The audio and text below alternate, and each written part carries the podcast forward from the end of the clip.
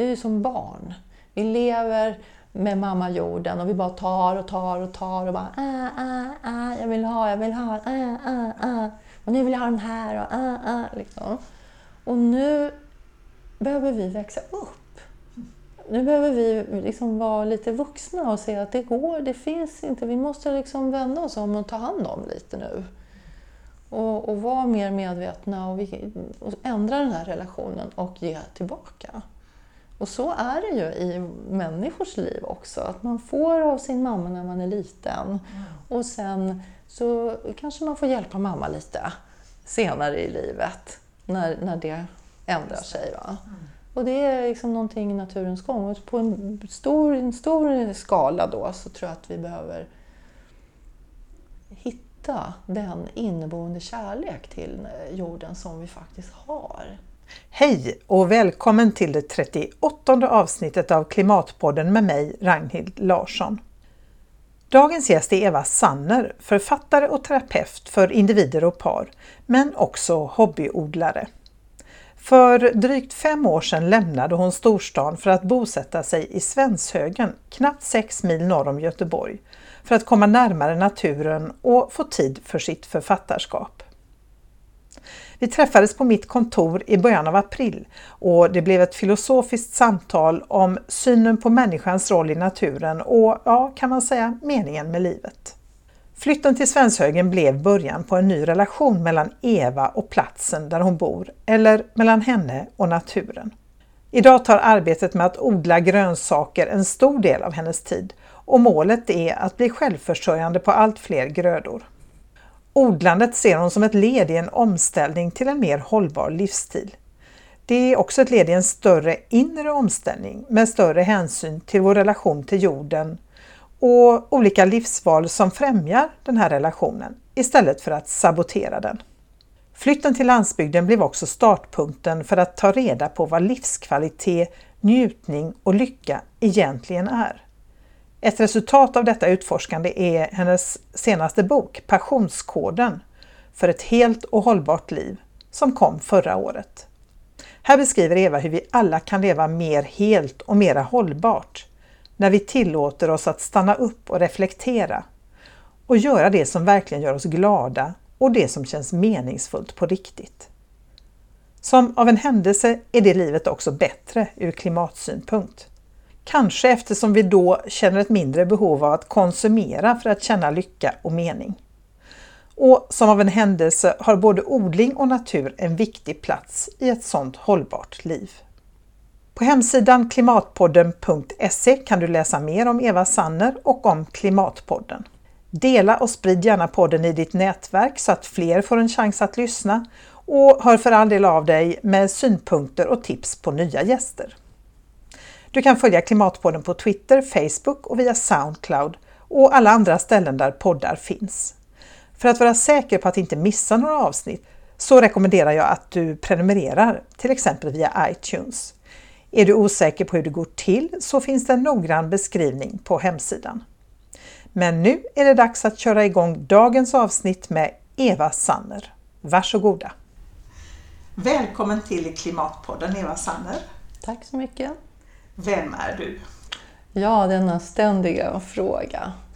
Alltså jag är, jag är en nyfiken människa. Och eh, det har gjort att jag har flera jobb. Jag jobbar som psykosyntesterapeut, som författare och ibland som journalist. Ibland har jag kurser också, kursledare. Så jag gör lite olika saker. Ja. Och hela tiden är jag nog den här nyfikna människan som undersöker. Jag är extremt intresserad av folk och vad som driver oss och hur vi egentligen är och om vi kan hitta nya vägar. Ja, det är spännande. Ja. Du har fullt upp då? För det är ja. ingen fråga man svarar på sådär och sen är det klart. Nej, ja, jo, jag har fullt upp kan man säga. Jag har ett väldigt roligt jobb. Alltså jag trivs verkligen med att eh, arbeta med de här sakerna. Så att, eh, och jag lär mig ju mycket av det. Att vara terapeut till exempel, det är ju ett jobb där man får höra så mycket berättelser om livet. Så man får ju liksom leva flera, flera liv parallellt. Så det blir ju också någonting som, som jag lär mig av. Ja. när jag jobbar med andra. Så. Hur blev du engagerad i klimatfrågan? Ja, det är också en väldigt bra fråga. Ehm, för jag tror att det hänger ihop med mitt intresse för personlig utveckling. Jag tror att det var där det började. Och det började ju egentligen för länge sedan. När jag, började, jag började med yoga 1981, tror jag. Och då blev jag också vegetarian. Och jag var inte så medveten då om de här besluten eller varför jag gjorde. Jag tror faktiskt att det här beslutet med yoga och vegetarian, det tror jag faktiskt var för att det var, jag var förtjust i en kille som, som höll på med det. Det verkade väldigt coolt liksom. Ja. Men det blev ju faktiskt, det var ju ett val som jag gjorde och som sen växte vidare. Alltså hur... Så att jag har ju eh, intresserat mig för utveckling sedan dess och sett vad det kan göra för mig och på vilket sätt jag liksom kan må bättre på olika sätt. Eh, och sen eh, så och då var jag inte alls intresserad av eh, miljöfrågor. Utan jag var intresserad av andlighet. Ja. Och det var en vattendelare för mig. Det var två helt olika saker. Att vara intresserad av andlighet, det var, det var liksom bra för att där fanns, där var det den riktiga transformationen, tänkte jag. Och de som höll på och jobbade med miljöfrågor, de verkade ganska arga och tråkiga och hade fula skor.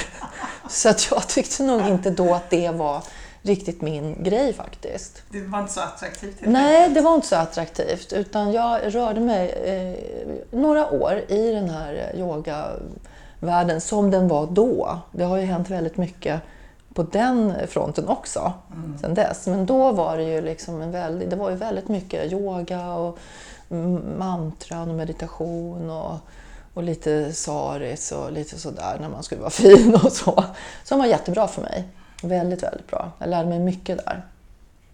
Och, eh, men sen vartefter åren har gått så har jag liksom då utbildat mig själv inom personlig utveckling som terapeut. Då. Yogan har liksom alltid varit en del av mitt eget, eh, min egen hälsovård och andlighet. Så. Eh, men sen har jag utbildat mig inom just psykosyntes som är en existentiell terapiform. Och jag tror att någonstans där så började jag eh, liksom fundera på det här med balansen mellan yttre och inre. För att eh, det är ju någonting som vi verkligen behöver ha. Ehm, och att vi påverkas av det som händer runt omkring oss och att eh, liksom kanske inte... Jag, jag, jag, har ett uttryck som jag har i huvudet och det är liksom det räcker kanske inte att trumma i skogen och meditera. Vi kanske måste göra någonting också. Så att gradvis har det här vuxit fram. Och, um, och att de hänger ihop för mig. Alltså ett andligt engagemang som tar sig uttryck i handling. Det är liksom love in action, brukar jag tänka. Att det, det känns för mig, där börjar mitt miljöengagemang. Alltså det börjar från en kärleksupplevelse. Och, och en, en sån här enhetsupplevelse som jag kanske har upplevt då först i, i meditationen faktiskt. Ja. Att man kan känna att liksom man är i, i en slags kontakt med allting. Och ju mer jag har då eh, jobbat med det och med människor så har ju det liksom, oh, vänta nu här, ett med allt. Eh, kanske inte bara eh, som idé utan kanske faktiskt som en faktisk verklighet. Och där börjar jag ju liksom, ju mer jag nu håller på att lära mig om naturen, så är det ju så naturen är. Naturen är ju det här, den här helheten som vi är en del av. Det är ju liksom ingen flummig idé utan det är ju en faktisk verklighet. Och det tycker jag är så spännande. Det är så otroligt spännande att förstå att det här som jag kanske då trodde var liksom, åh, jag ska meditera, känner mig ett med allt och då blir jag lycklig. Liksom. Det var lite där jag började, från en, från en smärta faktiskt. Att jag inte kände mig i harmoni och hade lite dålig självkänsla och ja, hela barndomen och allt det här. Liksom. Så det har varit en resa. Men, eh, men sen har det här vuxit fram parallellt liksom med, med mitt intresse för personlig utveckling. Att se, okej, eh, det finns nog mer som jag kan ha en relation till. Och då vill jag göra förändringar. Och sen så har det ju också varit så att jag har, utan att vara riktigt medveten om det, tror jag alltid, eller ganska länge haft en dröm om att bo på landet och vara författare. Och under många år var den där drömmen ganska diffus. Sådär. Men sen, ja, jag bodde i en förort i Stockholm och, och var liksom frånskild eh, frilansjournalist med två flickor som jag hade delad vårdnad om. Och jag bodde ju där för att jag ville bo nära deras pappa. Mm. Förstås. Det är ju liksom så det blir. Det var liksom så det blev. Och så bodde jag där och ja, jobbade på liksom med utveckling och barnen och allt sådär. Och så vartefter år gick så blir ju barnen äldre och jag märker att ja, men jag kan ju göra något annat nu när de har flyttat hemifrån. Och så blev den här drömmen liksom i fokus. Och så blev det så att jag hamnade på landet, på landsbygden, utanför Göteborg, i Svenshögen. Som är ju en liten by med 450-500 invånare. Och hur länge har du bott där nu? Nu har jag bott där sedan november 2011. Så nu har jag liksom rotat mig där. Och, eh, och det har även eh, mina grannar förstått. Ja. Att nu kommer vi att vara kvar, jag och min man som flyttade dit. Vi, vi, vi är inte bara på genomresa utan vi, vi kommer att vara där. Så att eh, de verkar också ha accepterat oss där. Det, och det har hjälpt mig enormt mycket att bli mer engagerad också i miljöfrågor. Att komma närmare naturen, se vad som händer, årstiderna, att ha det in på kroppen. Och att vara mera ute, att odla, det har ju väckt min eh, väldigt starka engagemang faktiskt. Och uppleva det här miraklet med att jag, jag sätter ett litet, litet jävla tomatfrö. Liksom. Och det blir en speciell sorts tomat. Ja, och så sätter jag ett annat litet tomatfrö och då blir det en annan sorts tomat. Och de ser precis likadana ut. Jag kan inte se någon skillnad på dem kanske. Och det tycker jag är, alltså det finns en, där, där snackar vi visdom och eh, mirakel. Mm. Och där, där börjar min eld att brinna. Liksom att det här, det här vill jag verkligen eh, värna om. Eller vörda, skulle jag vilja säga. Ja. Också. Att inte, alltså jag, vill inte, jag vill minimera min, eh, den skada som jag gör mot eh, naturen av kärlek. Ja, du hör, det här kan man prata mycket ja, om. Men lite där, så det har varit en resa. Liksom. Ja. Så nu, man kan säga, nu har ju jag hamnat där jag någonstans ville. I naturen, med mitt författarskap, med en partner som delar det här. Vi gör lite olika saker i, i odlingen. Eh, vi kämpar på olika eh, fronter i snigelkriget. så, men, men det, så där är jag nu. Ja. Och, eh, och jag tror att det bara har börjat för mig faktiskt. Jag tror att det bara har börjat. Men att rent fysiskt förflytta sig då mm. ut i, på landet, det har haft stor betydelse helt enkelt? Jag tycker det. Ja. Och eh, det har också haft stor betydelse för hur jag tänker. Och det har varit väldigt intressant att se att när jag bodde i Stockholm så tänkte jag på ett visst sätt. Och när jag bor på landet så tänker jag lite på ett annat sätt. Vad är den största skillnaden skulle du säga? Um, den största skillnaden är nog faktiskt hur jag tänker på naturen, tror jag. Och hur jag tänker på människorna som är där. Um, för att uh, när man är i en stor stad, då, då väljer man de som man tycker att man har något gemensamt med. Men om man är på en liten ort... Då kan man inte välja. Då kan man inte välja på det sättet. Man kan ju välja lite sådär. Man måste ju inte liksom träffa den som man inte alls förstår sig på varje dag. Det måste man inte. Men, men alla är där. Alla är en del. Så på det sättet kan man säga att eh, en liten ort är mera som världen är. Mm. På det viset. Man får öva sig på sin tolerans. Och... Ja, och här är den personen och hur kan vi hjälpas åt? Och nu nu är vi tillsammans här och så. Så att i en stor stad så kan man ju mer leva i det här som, vad kallas det nu, bubblor? Ja, just det, man, filterbubbla. Ja, man kan ju ja. mer liksom leva i någon slags upplevelse att eh,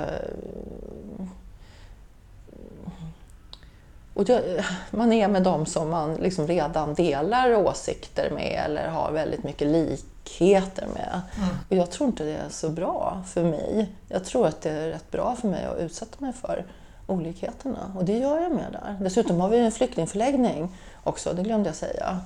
Som, där det bor väl 100, nu är det inte så många, kanske 120 personer. Och det påverkar ju också en, en liten ort. Så. Ja, det är klart, det blir mycket mer märkbart. Ja, det blir märkbart och det blir en påminnelse om man träffar dem och, och så. Så där har jag faktiskt fått en del eh, nya vänner bland, bland dem, två familjer som jag har lärt känna. Mm, det skriver du så fint om i din bok som vi ska prata mer om pensionskoden, om hur du stöter på en, eh, en kille eller en man ute när du är ute och promenerar. Kan du inte berätta? Ja, det, det är en sån härlig historia faktiskt.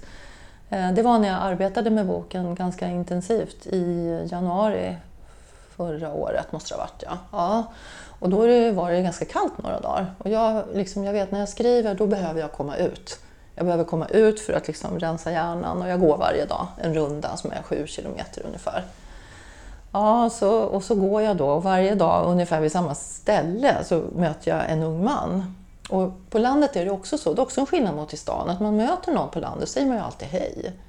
Man kan inte möta någon på en väg liksom, när det bara är vi där och bara liksom låtsas som att den andra inte finns. Så på det sättet så, ja, hej. Och så nästa dag, hej, hej. Ja, och så tredje dagen, hej. liksom. Och fjärde dagen så säger jag, hej, det är kallt idag. Och det är som att han har väntat på den signalen. Så då kommer han över vägen och säger, hej, jag heter Khaled. Jag vill öva svenska. Kan jag få öva med dig? Och jag var liksom inte beredd på den frågan, men eh, då säger jag ungefär att ja, men eh, du kan gå med mig på min promenad. Och eh, om du liksom har en mössa, för att det är ju rätt långt Ja, men det går bra sen, det går bra. Väldigt motiverad. Så vi gick den här rundan och pratade och då hade han varit i Sverige två månader, nej vänta, fyra månader tror jag. Han hade pluggat svenska två månader själv på Youtube. Därför att han hade inte fått eh, uppehållstillstånd och då får man ingen SFI, Nej, ingen svensk undervisning. Så under tiden så lärde han sig själv. Han kunde alltså prata Otroligt. svenska med mig då. Det var några ord som man inte och sa lite fel och så här, men vi kunde prata. Och då säger jag till honom så här, ja men det här går ju strålande, det var ju roligt. Vad, vad gjorde du i Syrien då? Ja, jag studerade engelska, sa han. "Men Vad ska du göra i Sverige nu då, har du tänkt? Liksom? Ja, men jag ska studera, jag ska studera sjuksköterska. För det gör min, min brors fru, det är bra. Ja, vad fint, så jag. det låter ju roligt. Då kan, du- vet du, då kan du åka till Norge och så kan du tjäna jättemycket pengar, sa jag. För att där betalar de mycket för det. Då säger han, tittar han på mig så här med liksom, lite mörk blick. Norge? Jag ska jobba Sverige. Det är Sverige som har hjälpt oss. Och då kände jag så här, här, här kommer jag med massa så här värderingar om att du vill, liksom, det är säkert du vill tjäna pengar, det är väl bra och så. Och eh, han blev nästan lite sårad i sin stolthet där, att, eh, det, att jag tänkte så då. För han ville återgälda det här. Ja. Och det är ju en hållbarhetsprincip egentligen som han eh, visar. En hållbarhetsprincip i det mänskliga, att jag får någonting och då vill jag ge tillbaka. Och det är så vi är. Så att, eh, vi har haft lite kontakt efteråt. Nu bor han eh, inte i... Ty, han, tyvärr fick han flytta till Härnösand eller vad det var. Han ville, inte, ja, han ville egentligen inte det, men eh, han tyckte det var lite för kallt. ja. Men han studerar nu i Sundsvall till slut, tror jag det blev. Till sjuksköterska. Ja, jag tror det faktiskt. Ja.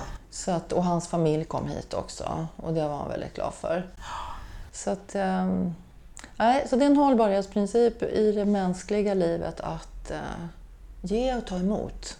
Och att eh, man vill ha, någonstans vill man ha en balans där. Och det vill alla, tror jag. Barn och föräldrar, partners i en eh, kärleksrelation.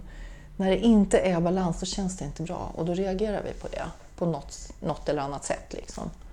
Så det var ett väldigt roligt möte. Så sånt kan hända i Svenshögen.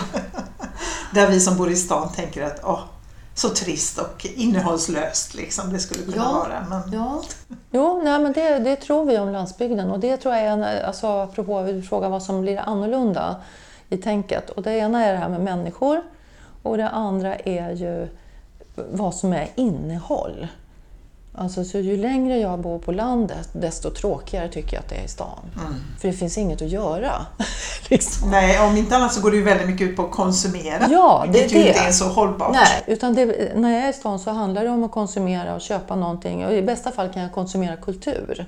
Och det, Mm. det är ju, det är ju en positiv sak och upplevelse. Så.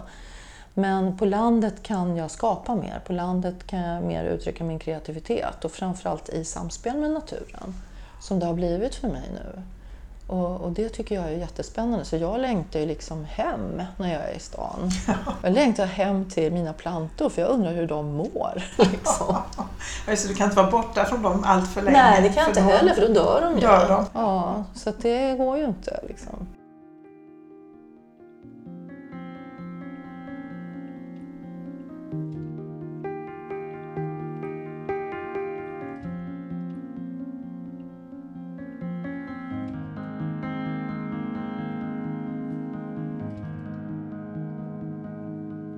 Du har ju skrivit den här boken då som heter Passionskoden för ett helt och hållbart liv. Berätta lite grann, vad handlar boken om? Ja, boken handlar om eh, hur... Alltså det är så här, jag har skrivit böcker tidigare om kärleksrelationer. Jag har skrivit en som heter Kärlek, en handbok och en som heter Kåt, glad och tacksam. Och de här böckerna handlar ju om, om parrelation och om intimitet och sådär. Vissa principer liksom som ja, att ge till din partner, att säga vad du behöver, att eh, lyssna på dina behov och berätta det. Och, eh, och då så kände jag att nu vill jag skriva en bok som handlar om att använda de principerna, inte bara för att få en relation till en partner att funka bättre, utan för att få hela livet att bli mer helt. Och, eh, så att det, här- den handlar ju om att eh, stanna upp, hitta sin motivation, fråga sig själv vad, vad vi vill, vad man är nyfiken på. Ehm, och egentligen så bygger väldigt mycket i den här boken på forskning om positiv psykologi. Alltså vad är det som gör oss lyckliga och nöjda? Kan vi göra mer av det? Inte det här att vi ska tänka positivt, att allt är så himla bra. Det kan vara lite lätt provocerande ibland. Det kan vara provocerande och jag tror inte det alltid är hälsosamt. Alltså att om man har en svår situation så har man det. Precis. Och det är väldigt viktigt att komma ihåg det. Ibland är livet väldigt utmanande och smärtsamt. Men jag tror att, eller jag hoppas att eh, en del av tankarna i boken ska hjälpa i de situationerna också. Om jag har en svår situation, hur kan jag hjälpa mig själv? Eller vad kan, jag, vad kan tillföra någonting betydelsefullt nu? Så att det blir lite lättare att klara av det här. Livet innehåller utmaningar. Det är inte något nå fel med de här utmaningarna. De hör till livet. För ibland är det ju så att vi, vi liksom kanske behöver bli påminna om det också. Det är Ja. som årstiderna. Att det, ibland är det mulet och väldigt dåligt väder och då är det så. Och sen kommer en annan tid. Och hur klarar vi av då det här dåliga vädret? Liksom? Så ibland så handlar ju livet om att uthärda smärta också. Och se att det smärta och förluster är en del av livet. Även om vi inte vill det. Så där tänker jag att jag hoppas att boken ska vara en inspiration och en hjälp för det. Och så kändes det ju väldigt viktigt när jag skrev liksom att jag ville hela tiden ha med det här med jorden. Jag ville ha med liksom att det ska vara hållbart och livet ska funka. Men vi kan inte bara tänka på oss som individer för att vi är i ett sammanhang. Och det sammanhanget innefattar de nära relationerna som vi har och de lite perifera relationerna som vi har. Lite mer som vi jobbar med eller bekanta och sådär. Och, och sen också relationen till planeten. Vi kan inte blunda för det därför att då är eh, då lever vi så att säga på ett sätt där relationsprinciperna eh, bryts eller liksom blir, då blir det en destruktiv relation. Och det är ju lite där vi är Ja, som kultur. Ja, så. så att jag pratar ju en hel del om beroende också. Att eh, vi är ju som eh, missbrukare. Vi tar för oss och vi känner inte efter vad som händer med motparten jorden. Utan vi tycker att det här går väl bra att vi liksom asfalterar lite mer eller gräver upp det här och så. Vi, lägger lite skit här, eller skräp. och så går vi någon annanstans. Och det är ett destruktivt beteende som jag känner igen från eh, personer som är i ett beroende, som har en beroendesjukdom. Man, kan inte, man är så inne i alltså sitt eget behov av att tillfredsställa det här begäret så att man kan inte se vad som händer och konsekvenserna av det. Man är i förnekelse. Mm. Ja. Och samtidigt mår vi ju inte bra av det då, tänker jag. Alltså vi mår ju dåligt någonstans om jag förstår dig mm. rätt. Mm. Så att om vi lever mer passionerat så blir det också mer hållbart, ja. om jag tolkar det rätt. Ja, och då tänker jag så här, eh, passion kan ju betyda många saker. Och jag skriver en del om det i början. Vad, vad betyder passion och hur använder jag det, det ordet? För det kan ju man ha väldigt många olika associationer till. Och för mig så har det kommit att betyda väldigt mycket drivkraft och livsenergi. Alltså att vi behöver uttrycka oss. Vi behöver liksom kunna vara kreativa och ha relationer där vi kan växa, där det finns utrymme. Och i ganska vid bemärkelse. Jag tror att vi behöver bli lite vildare. Vi skulle vilja vara vildare faktiskt. Och vi är ganska domesticerade. Och så behöver vi kanske ibland bli påminda om att det handlar inte bara om att vi har tråkigt i vår relation, att vi är trötta på en gubbe eller gumma som vi har. Utan det kanske är så att livet kan vara mer än vad vi har. Och att eh, omständigheter hindrar oss. Och de omständigheterna kan vi ibland förändra. Och jag tycker att vi ska ge oss själva den eh, rätten faktiskt. Det finns liksom ingen anledning att anpassa sig till någonting som är destruktivt. Men det är liksom inget hälsotecken. Men varför gör vi det då? Vi gör, vi gör ju det för att vi är socialiserade in i ett, en kultur och för att all kultur innebär ju en överenskommelse om att det här är viktigt, eller det här är sant, eller det här är gott. Liksom. Det här är, så här ska det vara. Mm. Och så lever vi i det. Och det man kan se är ju att, eh, eller som kan vara bra att påminna sig om, det är att det finns andra sätt att leva i andra kulturer.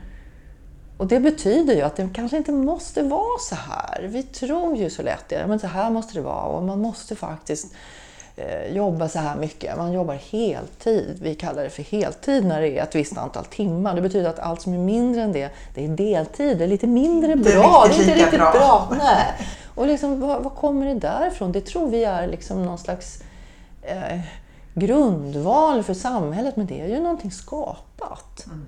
Det kommer ju från något helt annat. Liksom, det, det är ingenting som kommer från oss människor.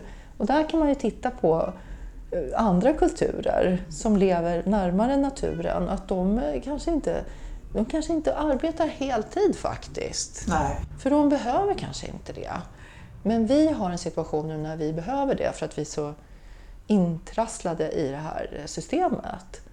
Så där tänker jag att passion kan också vara, liksom, hur vild vågar du vara? Mm.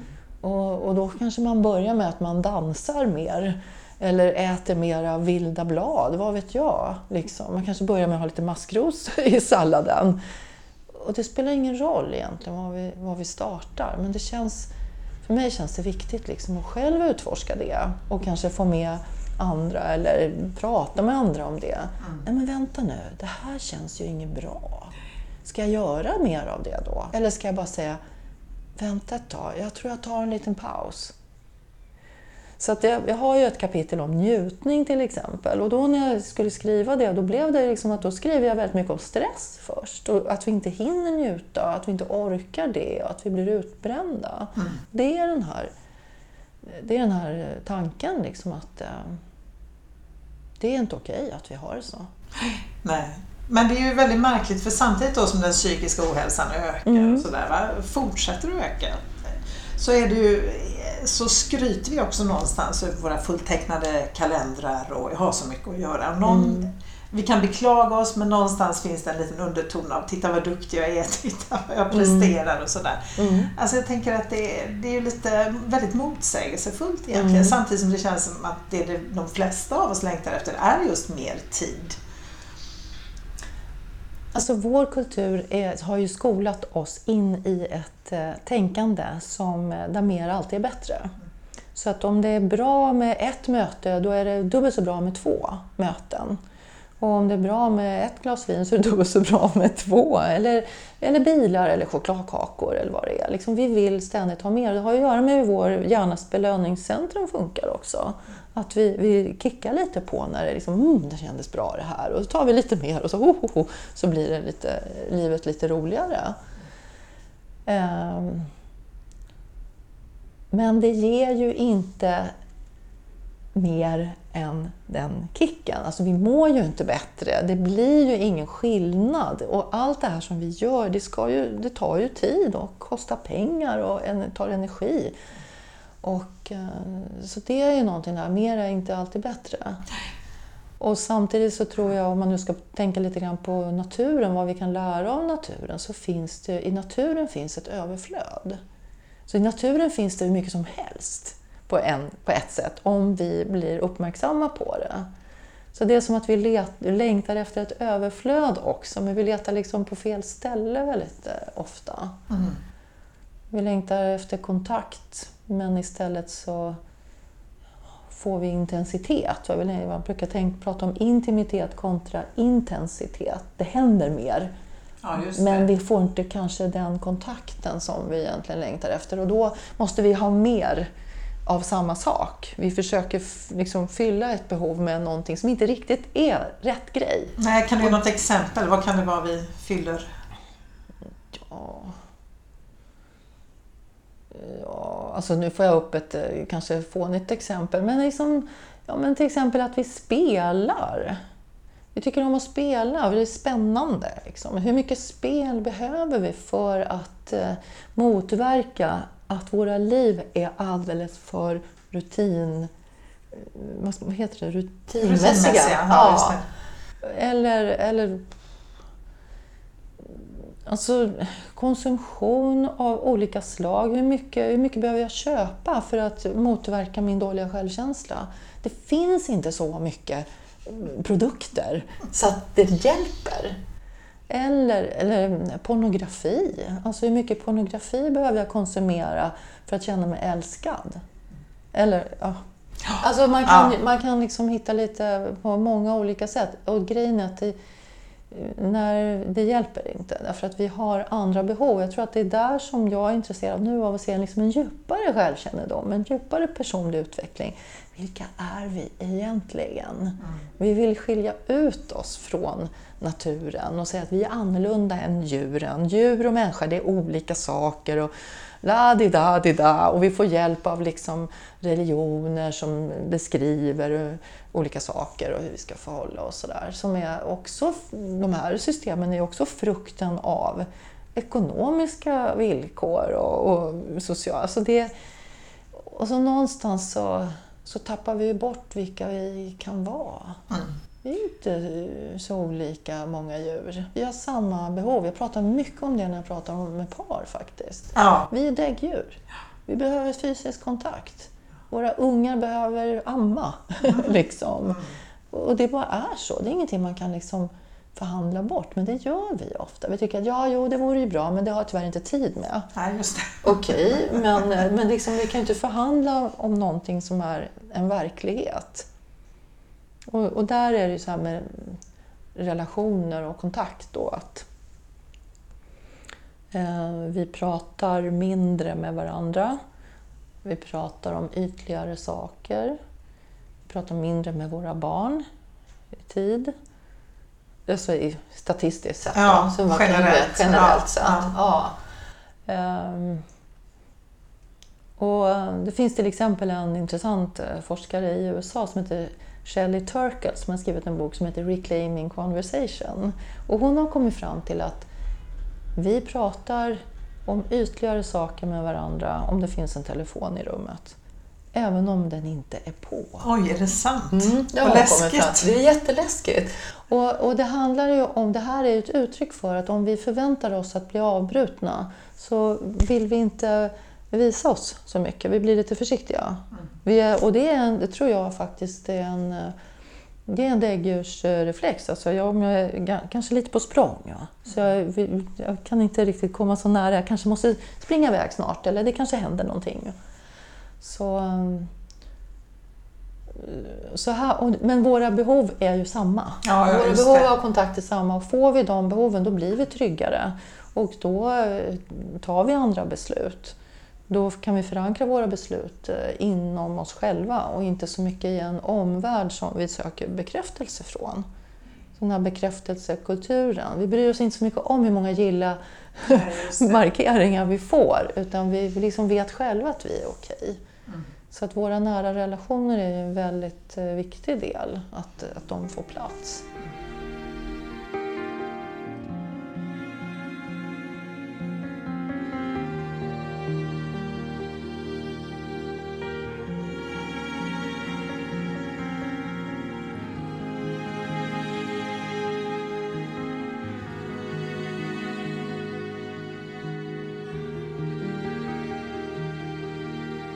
Lever ju en, som du var inne på, alltså i en kultur där det är liksom, följer vi den, eh, ska jag säga, där det går ut väldigt mycket på att konsumera, jobba mycket för att kunna konsumera mera och spendera liksom mer tid för att ta hand om alla de här prylarna och så. Så det kräver ju på något sätt att man bryter sig ut då från det som är anses rationellt och förnuftigt Mm. i ett samhällsperspektiv. Samtidigt som vi vet att det inte funkar ur ett Mm. hållbarhetsperspektiv Mm. att fortsätta som vi gör nu. Mm. Så jag tänker hur mycket mod kräver det då för att ställa om sin livsstil och börja leva på ett annat sätt. Kanske börja jobba mycket mindre, alltså flytta ut på landet, vad det nu kan vara, som kanske väcker frågor i omgivningen. Och, ja, man kanske sticker ut från det sammanhang där man är. Mm. Ja, det gör man ju faktiskt. Och man får ju, alltså jag tänker på den förändring som jag har gjort. Det är ju lättare för mig att göra den när jag är äldre till exempel. Jag känner mig själv mer och jag är kanske lite mindre beroende av vad andra tycker och så än när jag var yngre. Och samtidigt så tänker jag också att jag hoppas ju att när jag gör det här så kanske jag kan inspirera att det liksom evolutionen går lite fortare så att de som är unga nu inte behöver vänta så länge som jag innan de gör det som känns rätt på ett djupare plan. Då. Men eh, det hjälper ju att eh, hitta andra personer som vill samma sak så att man inte känner sig ensam. Faktiskt. Mm. Och det finns ju. Och det händer ju väldigt mycket positivt nu tycker jag. Jag tycker verkligen det. Alltså när det gäller eh, nya sätt att, att tänka och dela på saker eller bo eller leva enkelt, jobba mindre. Folk gör såna här test, liksom, du ska ha ett år utan förpackningar. Ja, eller, eller- Eller köpstopp. Som köpstopp eller ett år utan att flyga och sådär. Att liksom folk, det, man liksom bara det här att man experimenterar lite, det tyder ju på att man inte är helt övertygad om att det ska vara så här. Utan då, hmm, det kanske kan vara lite annorlunda, testar jag det? Och så inspirerar man andra. Och det tror jag är väldigt viktigt. Och det kände jag också när jag skrev boken, att jag har ett kapitel om hur vi påverkar varandra. Eller liksom vi är många som känner samma sak. Vi kanske tror att vi är ensamma. Men det är många som känner samma sak. Låt oss bli den här flocken som springer åt rätt håll istället för fel håll utför det här stupet. Liksom. Ja. Och att eh, inspirera varandra och snabbt göra förändringar. För vi, människan som art är ju otroligt anpassningsbar också. Och lika väl som vi har anpassat oss till någonting som är mindre hållbart då, en struktur, en, ett samhällssystem som är mindre hållbart, så kan vi också göra förändringar och skapa nytt. Vi är också en väldigt kreativ, vi har ju faktiskt väldigt hjärnkapacitet liksom, att använda det för att en djupare förståelse om vad som behöver hända och snabbt ändra. Och det behövs ju verkligen. Vi måste det vara jättesnabba det, nu. Precis, det är väldigt bråttom. Men Ja. vad, vad tänker du, vad krävs för att vi ska göra det? För jag håller helt med dig, jag tror absolut att vi är kapabla. Mm. Men eh, det går ju väldigt långsamt. Alltså vad, vad, vad Ja. tror du krävs för att vi ska liksom göra den här omställningen? Och att verkligen Ibland så handla? tror jag att det kanske behövs att vi blir lite mer rädda. Tyvärr. Alltså, och det, därför att då förstår vi att det är allvar. Att, liksom, och tyvärr kan det ju vara så att det är ganska sent då.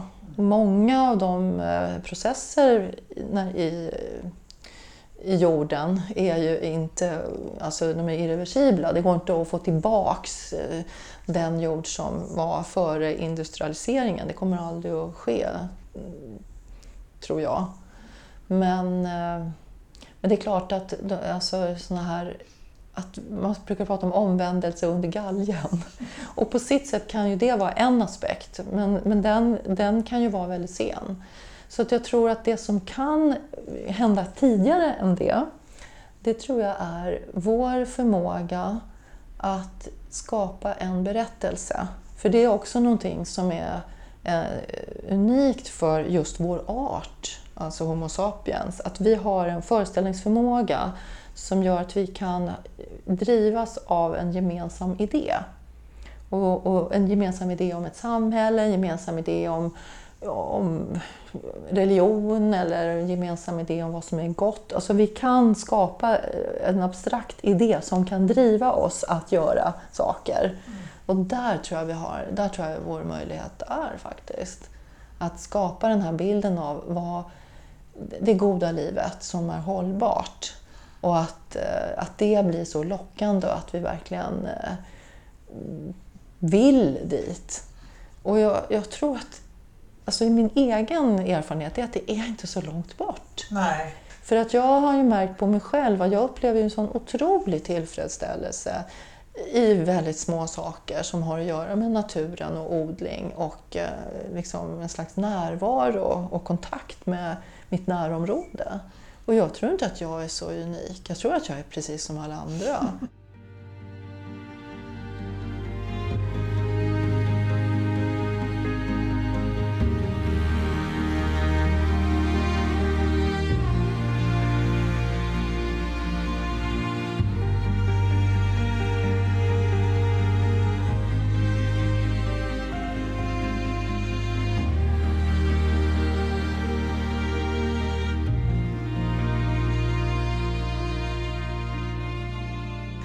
Men, jag tror ändå för många att man tänker sig att, ja men gud, ska jag leva sådär eh, alltså på ett klimatsmart sätt, att det handlar om att avstå från saker. Jag kan inte åka till Thailand kanske, jag måste flyga mindre, inte den där weekendresan till Barcelona eller vad det nu är. Mm. Jag kanske inte får äta kött, eh, eller i alla fall mycket mindre. Och, alltså det är mycket så här, jag får inte, inte, inte, mm. inte köra bil, inte. Ja, alltså hur, hur får man det, hur hur omvänder man en människa som tycker att det här verkar ju bara jättejobbigt? Ja, alltså det är den ständiga frågan. Men alltså för mig så kan jag också jag kan känna lite så här, om man ska ta in hela det här systemet och så tar vi in då det här, ja, det finns den här jorden och det finns den här situationen med alla fossila bränslen och alla utsläpp och allting så här. Och så tittar vi, så går vi ner på individnivå och så sitter en person och säger, ja men jag vill åka till Barcelona, det är min rättighet. Och, och jag kan känna liksom, det är lite provocerande. Ja. Det är ingen rättighet att flyga till Thailand. Nej. Alltså jag, har träffat, jag träffade en person på ett tåg en gång. Hon hade varit i Thailand 33 gånger. Herregud. Alltså man blir så här, jaha. Och då tyckte du att det var bra liksom. Och, och jag menar, det, och det här, samtidigt när, man, när jag säger det så kan jag känna liksom, oh oh, hur arrogant är jag? Jag menar, jag har också flugit. Va?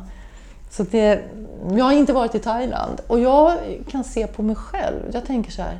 Jag har nu accepterat att jag kommer aldrig till Thailand. Faktiskt. Jag, jag har liksom varit i Kina, ett, ett av mina barn bodde där. Men jag kommer inte att komma till Thailand och jag kommer förmodligen inte att komma till Bali. Och jag håller på att eh, acceptera det. För att jag tror att min plats är här. Mm. Och jag känner att jag kan vara lycklig här. Och om jag inte kan vara lycklig här så tror jag inte att jag kan vara lycklig i Thailand heller. Nej. Jag tror inte att det har någon betydelse egentligen. Nej, jag tror ganska många har upplevt det. Man åker mm. någonstans för att det ska vara så himla härligt. Någon mm. paradisstrand någonstans. Och så är man där och inser att nej, jag är precis samma person som jag var hemma. Och jag som jobbar med parterapi, jag träffar ju många par då allting ska lösas med de här resorna till Thailand. Sen kommer man hem och har ingen tid eller ork för varandra igen.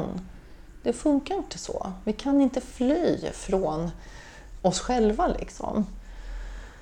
Men det är alltid väldigt laddat att prata om det här för det är så känsligt och många eh, upplever att man blir den här klimatpolisen. Liksom. Och så, ja, men hur gör du själv då? Liksom, och, så. och där tror jag det är viktigt också att se att vi är alla i det här. Ingen är helt fri från det. Men alla kan göra någonting och man kan inspirera varandra. Och jag, men jag tror att det är viktigt att se det här att om vi har en relation till jorden, då kan vi inte säga att vi har rätt till något. Utan då kan vi säga jag skulle önska och så får vi se om det är möjligt. Och så kanske det inte är det. Och då får vi hitta ett annat sätt. För det är så man har en relation. Mm. Man kan inte bara säga jag har rätt att, att flytta in i ditt hus. liksom, för jag vill det. För nu, jag är så trött på mitt gamla hus. Det är liksom, relationer funkar inte så, utan relationer är ömsesidiga. Och då måste man se vad som är möjligt. Och då eh, måste man ha lite mer eh, kärlek och respekt. Mm. Men det här är ju svårt och just flyget, alltså det blir mer och mer och mer laddat. Ja, verkligen. verkligen. Och jag, jag tror faktiskt att det här med, med flyget, jag tror att det är för lätt att flyga. Det är fram, definitivt för billigt, men det är också väldigt enkelt. Och det gör att vi kan känna oss trygga.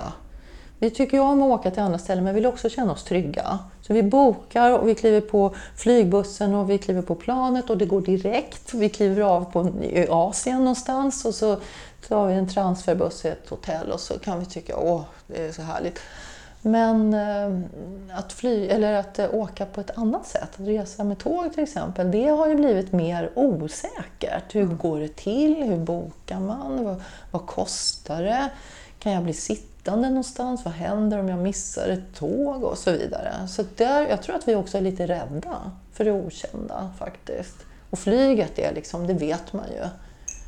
Det är ju tryggt ändå. Liksom. Man kommer ju fram ofta. Mm, oftast, ibland blir det förseningar där också förstås. Men, ja. eh, eh, nej, så jag tror att det är för lätt. Eh, men jag tänker också, handlar det inte också om det här att man hela tiden tänker att det är bättre någon annanstans än just där man är? Alltså ja. om bara det och det händer, man lägger det liksom utanför sig själv. Så man tänker lyckan finns så att säga inte hos mig eller så, utan om jag åker till Thailand eller om jag nu, ja vad det nu än handlar om, eller köper de här kläderna så kommer allting att bli Exakt. mycket bättre. Och det är ju så, det är, det är ett strukturellt problem därför att det finns ekonomiska krafter alltså i vår kultur, i vårt samhälle som bygger på att vi ska tro det. Till exempel eh, reklam som är så här. Vad är bättre än en iPhone? Två det, iPhone? Ja. Eller vänta nu, nej men vänta jag behöver ju bara en telefon. Ja men du kan ha två så kan du... Nej men jag behöver bara en till exempel. Va? Eller... Eh, Alltså, all, alltså det, och det är ett problem att vår ekonomi behöver att vi konsumerar på det sättet när vi egentligen inte behöver det. Alltså 90 procent av det vi köper idag det är på soptippen om sex månader. Det är, det är fruktansvärda siffror alltså. Vi köper saker som liksom, usch, men den här är så ful och bort med den. Och, och ändå har det blivit lite bättre tycker jag, för jag tror medvetenheten är lite större absolut, nu och man absolut. återanvänder lite. Men vi har ju en, en lång väg att gå. Mm. Men jag tror att det är viktigt att se att um, jag menar till och med det här med second hand till exempel, köpa kläder på second hand, det som kan vara ganska kul. Men det bygger ju på att det finns en överkonsumtion som hamnar i second hand-affären. Just det, annars skulle det inte, annars skulle det inte finnas, finnas något. något och, så det, det, är liksom till syvende och sist så handlar det om att liksom titta på vad är mina behov och vad är mina begär. Mm. Och då är jag liksom tillbaka i yogan för mig och ser, okej, okay, det är kanske en liten skillnad här. Och om jag tillfredsställer mina begär, då blir det då blir det så här. Det blir ett ständigt jagande. Jag blir aldrig mätt. Nej, precis. Det tar liksom. aldrig slut. Nej. Men om jag tillgodoser mina äkta behov, då får jag ett större lugn. Mm och större balans. Och då tror jag också att man kan genomskåda vissa saker. Då, då tycker man inte att man behöver liksom, ja vad ska jag säga, en ny mascara för att man är värd det. Utan då, alltså man konsumerar mer medvetet och då blir det mindre tror jag. Men jag tror att vägen handlar om Alltså det, det, handlar om en inre omställning. Den är väldigt viktig. Att se att vi är okej okay som vi är. Att hjälpas åt att skapa strukturer och möten och sammanhang där, där vi känner det. Så att vi tillsammans kan liksom ifrågasätta, men vänta nu, jag behöver inte det där. Jag behöver inte åka till Thailand. Och det där är, det är ju liksom sånt som det här med resor kommer ju väldigt ofta upp. Och i, i min värld där jag um, umgås och rör mig så åker väldigt många till Asien på vintern. Mm. Jag kan inte det på semester. Ehm, och då kan man bli den där blöta filten på middagsbjudningen som liksom säger så här, nej. Eller också när man säger så här, ja men ska vi inte åka till Barcelona över helgen med ett annat par då? Och det, då till exempel gjorde jag och min man så, ja men vi tar tåget. Vi ses i Barcelona. Och de tog flyget.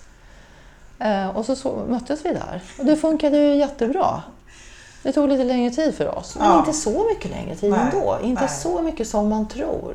Nej, det är ju faktiskt så. Ja, och Och det var en upplever ju- jätterolig Jag tänkte resa. ju säga, vägen är ju också en del då av resan. Ja. Eller att åka då tåg. Vi kände oss som 25 igen. Ja. Det var jätteroligt. Så att eh, man kan göra mer än man tror, men ibland behöver man också hjälpas åt och, och se liksom, vad, vad är viktigt. Ja. Vad är det som, som vi kan göra? Vad är det som vi tror att vi inte kan ändra på som faktiskt skulle vara jätteroligt att testa? Min man föreslog för ett tag sedan att vi skulle ut och lifta han och jag. För att det skulle ju vara himla roligt. Och där kanske min gräns går. Någonstans där alltså. Att stå och lifta liksom någonstans i, i Tyskland. Med autobahn. Jag vet inte. Spännande. Så jag har väl inte riktigt sagt ja till det. Nej. Men man får vara uppfinningsrik. Men hur reagerar era vänner då, då? Det var inte så att de då tänkte, ja vi kanske också ska ta tåget? Nej, de, hade, de har ett litet barn så att Ja, de okej. använde det som anledning. Och jag menar, jag respekterar det. Ja. Jag kan förstå att det, det är lite krångligare då. Ja. Absolut. Vad, vad tror du, alltså den här förändringskraft, den här nödvändiga omställningen vi måste göra, tror du att förändringskraften kommer den, eh, är det från oss enskilda individer eller är det politikerna tror du? Eller alltså, vem kommer då?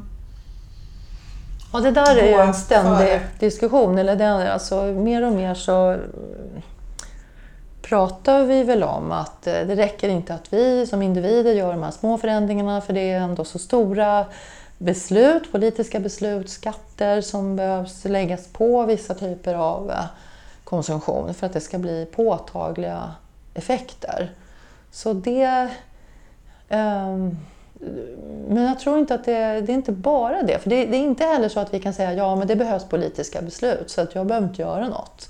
Jag Nej, just det, jag jag- lutar mig tillbaka Ja, det, de det hjälper det. ändå inte. Nej. Därför att, därför att jag tror att när vi gör en förändring, oavsett om det är det här med soporna, resorna, återanvändningen, det, det, det påverkar vårt medvetande. Det påverkar att vi är mer medvetna, vi är mer liksom alerta på de här sakerna. Det, det är meningsfullt att leva på det sättet. Det ger en känsla av mening. Och det tycker jag är viktigt. För jag menar, hur meningsfullt är det att konsumera eh, och, och veta att det inte är bra? Hur, liksom, nej, men vänta Hur mår man, Hur mår man? Och istället säga, men liksom att, och utan att man då behöver vara perfekt. För det kan ingen av oss vara. Då kan vi inte vara här i den här världen. Liksom. Vi, vi, det, det ska man inte kräva av sig själv för då, då blir man ju olycklig av det.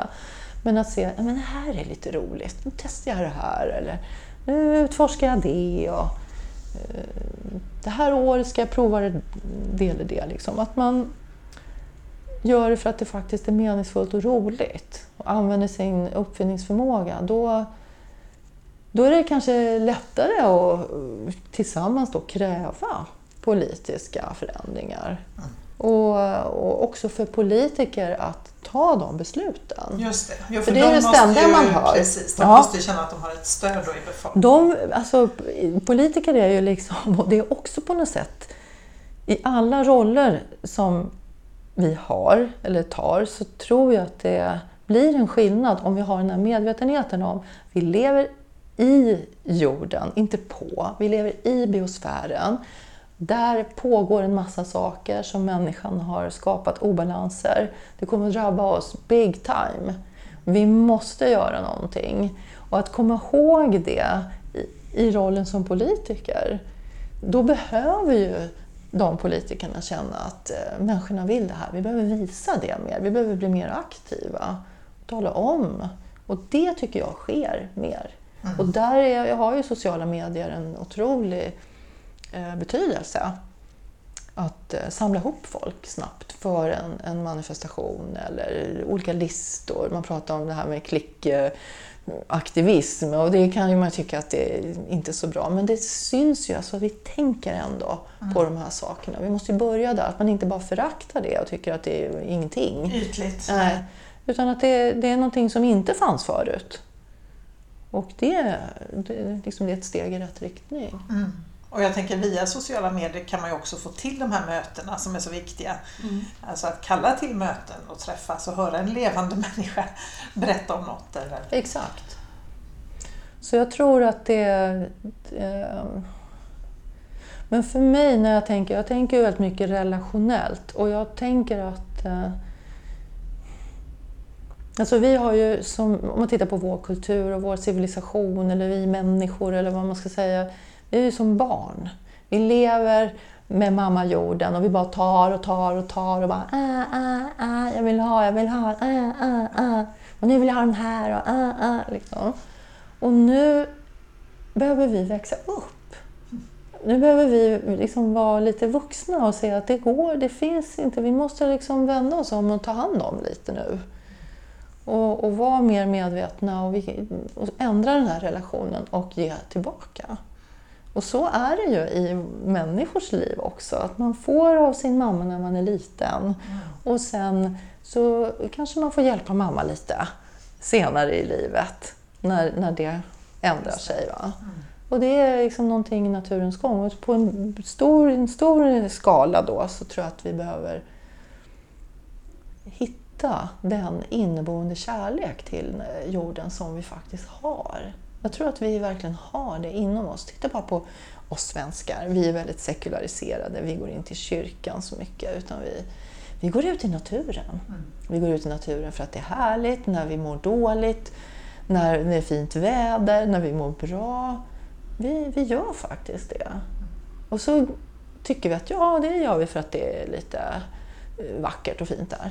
Men om man tittar liksom på forskning om vad som händer när vi är ute så är det någonting faktiskt som händer. Det händer någonting i vår hjärna när vi tittar på löv som fladdrar. Vi blir lugnare då. Alltså, och det finns massor med sådana exempel. Och man använder det väl ofta just i eh, behandlingen av utmattade och så. Det finns ju sådana speciella. Mm. Här i Göteborg tror jag på Botaniska mm. de har bland annat. Man får vara ute i trädgården, man ja. får vara ute i naturen. Så, för att det är läkande? Ja, det är läkande. Men då, då tänker man så här, men om det är läkande för de utmattade, då betyder det ju att vi alla behöver det. Mm. Så att vi inte blir utmattade. Ja, just det, förebyggande syfte. Ja, ja, eller liksom för att vi är, vi är sådana. Mm. Det är liksom någonting som hör till oss. Vi är natur. Och det är ju det som också är en kulturell idé som vi har. att här sitter vi och är människor och där ute är naturen ja, som är någonting annat. En egen enhet. Att det är någonting där borta som vi tittar lite på så, någon gång. Eller som vi hämtar saker. Ja, just det. Tar saker Ja, vi, vid ett skafferi. Vi kan ja. åka dit och ta saker och gräva hål och sådär. Eh, men att se att vi är natur. Att hitta naturen i oss och se att okej, okay, det, och det är personlig utveckling för mig också, att hitta liksom de naturliga cyklerna i, inom oss själva. Mm. Vissa delar av månaden känner jag mig si eller så, eller lyssna på när jag känner mig trött, så att jag vilar. Istället för att köra över. Vi kör ju över oss själva precis som vi kör över naturen. Mm. Det finns väldigt mycket att lära om naturen tycker jag. Och det finns väldigt mycket att och förändra i vår relation till naturen. Och, och sen också vår relation till naturen är grunden för andra saker. Alltså förtrycket av naturen som vi som kultur utövar, det är liksom det första förtrycket kan man säga. Och från det så kan man säga så kommer förtrycket av kvinnan, eller liksom nedvärderingen av kvinnan, för hon är mer natur. Just liksom. Eller också synen på Alltså det här med, ja, som vår vita eh, kultur då tycker jag, ja, svarta människor är mer natur. De är liksom lite mer vilda, alltså the savage eh, och så vidare. Alltså, och, så att utifrån det här förtrycket av naturen kommer som en följd andra förtryck. Intressant, jag har aldrig tänkt på det så men det, det, Det, stämmer det, det stämmer faktiskt. Alltså hur man ser på, på vildhet, hur man ser på ordning, hur man ser på eh, ömsesidighet och så. Och egentligen tror jag det är precis tvärtom. Vi är så beroende av naturen så, och det, vill vi, det är läskigt att tänka på. Eller hur? Man, så då trycker vi ner det och försöker kontrollera. Och precis som om man tittar på maskulint, feminint, liksom att eh, män och kvinnor är beroende av varandra. Såklart. liksom. Så därför så tror jag att det finns mycket att lära sig av naturen. Det ömsesidiga samarbetet, det icke-hierarkiska. Vi, liksom vi ritar den här bilden av naturen som människan är uppe och så är det fåglar och fiskar och så är det någon slags tri- triangel. Sådär. Men det är helt fel. Det är inte alls så det är. Men det är liksom en mental bild som vi har, att människan liksom är på toppen Överst, ja. överst. I själva verket är det här ett ömsesidiga samband mellan växter och djur och, och insekter och, som är otroligt viktiga. Där alla, jag menar bina är viktiga för vår överlevnad. Det behöver vi fejsa. Ja. De är jättesmå. Men de, när de försvinner då tar de oss med sig. liksom. Jo, Så det, det, det här med hierarki är också någonting vi behöver titta på. Eller liksom förstå att det kanske inte är... Eh, vad ska jag säga? Det kanske inte är så... är så naturligt som vi har fått lära oss ibland. Någon måste ju vara chef. ja. liksom. Och det är människan som är chef. Och nej, vänta nu, det, det kanske inte stämmer. Liksom. Nej, och att vi är egentligen ganska obetydliga. Nu kommer jag inte ihåg vad den heter, men det finns ju någon film, det är olika skådespelare som har gjort, bland annat Julia Roberts som hon är speaker och så är det fantastiska bilder över planeten, alltså över jorden och sådär och mycket natur och så handlar det väldigt mycket om att eh, I am planet Earth and I will be here. Jag menar, även om vi människor försvinner så finns liksom det här kvar. Den här obetydligheten är ju någonting som vi värjer oss ifrån, tror jag. Det är en existentiell fråga. Hur obetydlig är en människa? Och som individ är jag ju obetydlig. Det, tror jag inte, det kommer man liksom inte ifrån. Och här har ju vi skapat alla de här religiösa systemen. Liksom att ja, men, eh, när jag dör kommer jag till himlen eller, eh, eller nirvana. Eller, alltså olika idéer om men jag tycker också att man kan eh, använda naturen och, som en hjälp för att hantera sin obetydlighet. Och då tänker jag så här att eh, jag är obetydlig om jag upplever mig själv som avskild eller alltså skild från, separerad från naturen. Men om jag upplever mig själv som en del av naturen, då är jag inte ensam. Och så har jag hört att till exempel indianerna säger i skogen är du aldrig ensam. Nej. Alltså att vi har en syn på ensamhet, alltså hela vår idé om individualism kanske är en parentes. Så att förstår du att det, det, vår idé om att vara en separat individ, det kanske ska vara en parentes. Ja. Så att vi, alltså att vi både är individ och del av en större helhet.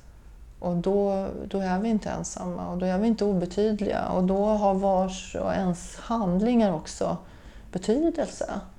Och där känner jag, där brinner jag. För att jag tror att det finns liksom en, ja, en lycka och en meningsfullhet i att eh, försöka leva på det sättet och att hjälpa varandra med det. Att eh, en människa är eh, både obetydlig och Alltså, vad är motsatsen till obetydlig? Betydelsefull. Ja, precis. Och då blir det, vad du gör har betydelse. Det blir en självrespekt i det också.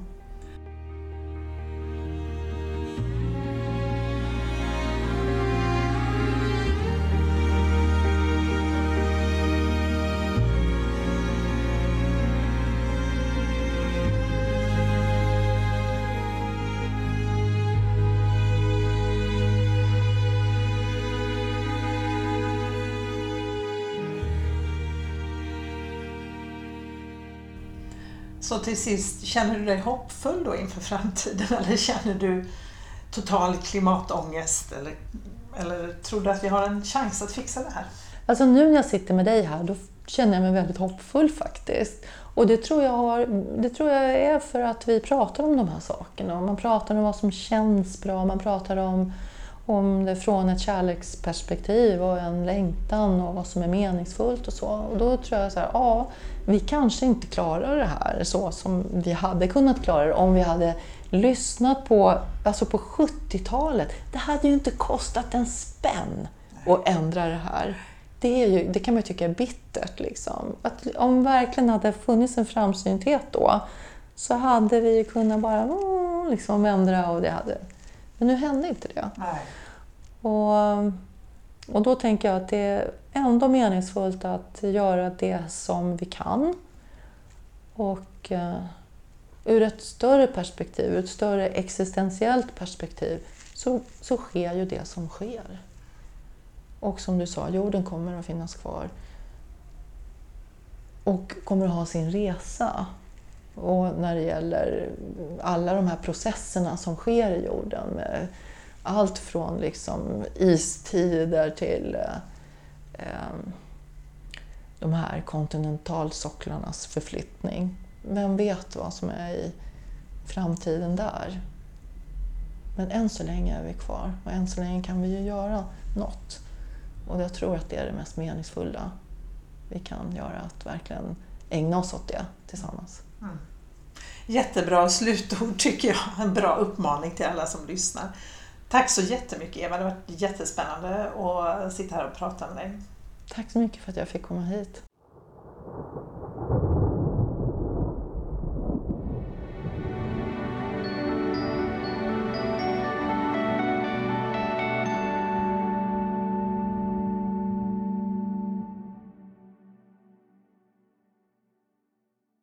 Du har lyssnat på Klimatpodden som produceras av Konvoj Produktion.